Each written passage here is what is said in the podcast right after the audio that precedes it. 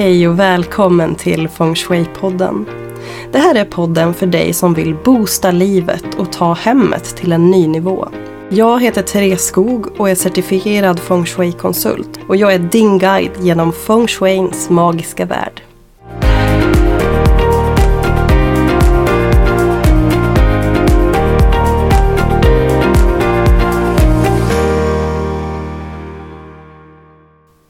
Hej hörni! Jag hoppas att ni är laddade för nästa del av Bagwan.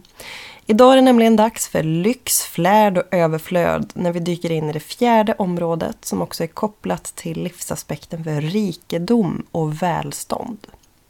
För visst känns det direkt som att det handlar om pengar och överflöd. Men rikedom kan ju i ärlighetens namn handla om så mycket mer än bara pengar. Du kan ju värdesätta och bli rik på erfarenhet eller kärlek och relationer, samlarobjekt eller upplevelser. Och välstånd kan också, precis som rikedom, handla om välstånd på olika sätt. Det kan ju vara rent överflöd eller enklare saker. Alltså det kan ju handla om att ha en skön säng eller att bo som du önskar. Eh, ha tillgång till näringsrik och god mat, närhet eller trygghet gällande ekonomi eller jobb, kanske relationer till och med. Och I det här avsnittet så skulle jag gärna att du pausar här. Eh, fundera en liten stund, kanske till och med ta fram papper och penna och skriv ner svaret på frågan När känner du dig riktigt rik? Vad är viktigt för dig att ha mycket av? Vad betyder välstånd för dig? Pausa mig nu några minuter, Tänk ut ditt svar eller skriv ner svaret på den här frågan. Så drar du igång mig igen när du har kommit på vad som är rikedom och välstånd för dig.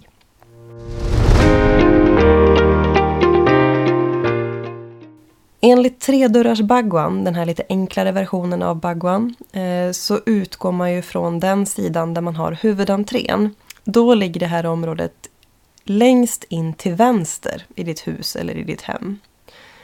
Och jobbar du med kompassen så rör vi oss nu i sydost. Och det finns ju olika sätt som du kan boosta och manifestera rikedom och välstånd i den här delen av ditt hem. Du kan alltid använda dig av personliga symboler. Någonting som för dig betyder rikedom eller välstånd. Det kan vara till exempel lite lyxigare inredningsdetaljer, eh, ädelstenar eller värdefulla arvegods. Och det behöver inte handla om rent pengamässigt värde utan det kan ju vara affektionsvärde. Alltså någonting som betyder mycket för dig, som representerar en form av rikedom. Självklart symboler av pengar, alltså en tavla med dollarsedlar eller vad som helst. Eller en ram i guld. Det blir lite flärd, lite lyx och flärd av det hela. Är det så att du vill ha mer money flow i ditt liv, alltså mer pengaflöde, tjäna mer, du vill ha mer pengar på kontot ha till exempel några mynt i en skål. Och när vi pratar symboler och personliga symboler så är ju tavlor en helt fantastiskt tydlig symbol egentligen eftersom det, det är ju en bild som föreställer någonting.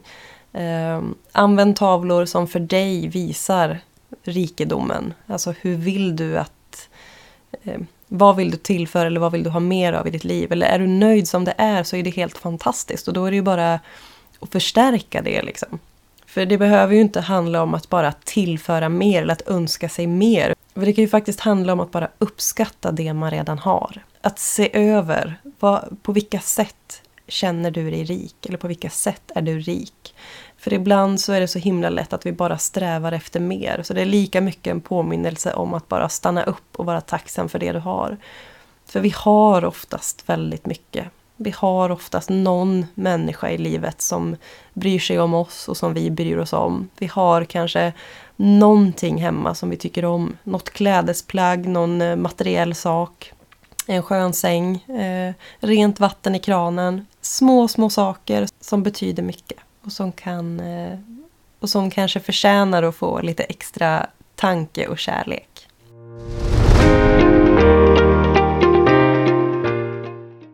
Kanske räcker det bara att se över den här delen av ditt hem. Kanske damma lite, plocka i ordning i någon låda, dammsug, rensa. Det är ju alltid ett första steg för att ge lite nytt liv, lite ny energi till den här livsaspekten och den här delen av ditt liv. Och hem såklart. gröna växter också en jättestor fördel att ha i just det här området. Det element som boostar området mest är nämligen trä. Och träelement det är ju som jag har nämnt tidigare levande växter, det är gröna färger, eh, kanske till och med lite mellanblå toner. Eh, och om du vill locka ekonomisk rikedom så kan ett paradisträd vara perfekt att ha här.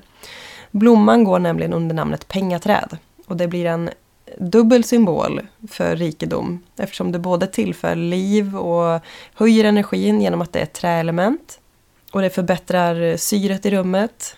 Men så är det också ett pengaträd. Det fina namnet som eh, blir en symbol för ekonomi och pengar. Och vattenelement som jag också nämnde i förra avsnittet. Vatten ger ju näring åt trädet så vattenelement kan du också med fördel använda i just den här delen av ditt hem. Kanske en liten bordsfontän eller en diffuser. För friskt vatten lockar välstånd. Men se till att hålla vattnet fräscht så att det inte står och blir snuskigt för då har det egentligen motsatt effekt. Yes, nu är ni redo att boosta rikedom och välstånd framöver. Har du fortfarande frågor? Tveka inte att höra av dig till mig på hobbykreatoren.se eller via Instagram, det heter hobbykreatoren. Och jag skulle också bli superglad om du ville gå in och, eh, och betygsätta min podd på, i appen där du lyssnar. Antingen om det är Spotify eller Acast eller vilken poddspelare du nu använder. Eh, det betyder jättemycket för mig. Och dela gärna avsnittet om du har någon vän som du också tror behöver lite extra boost när det kommer till rikedom och välstånd.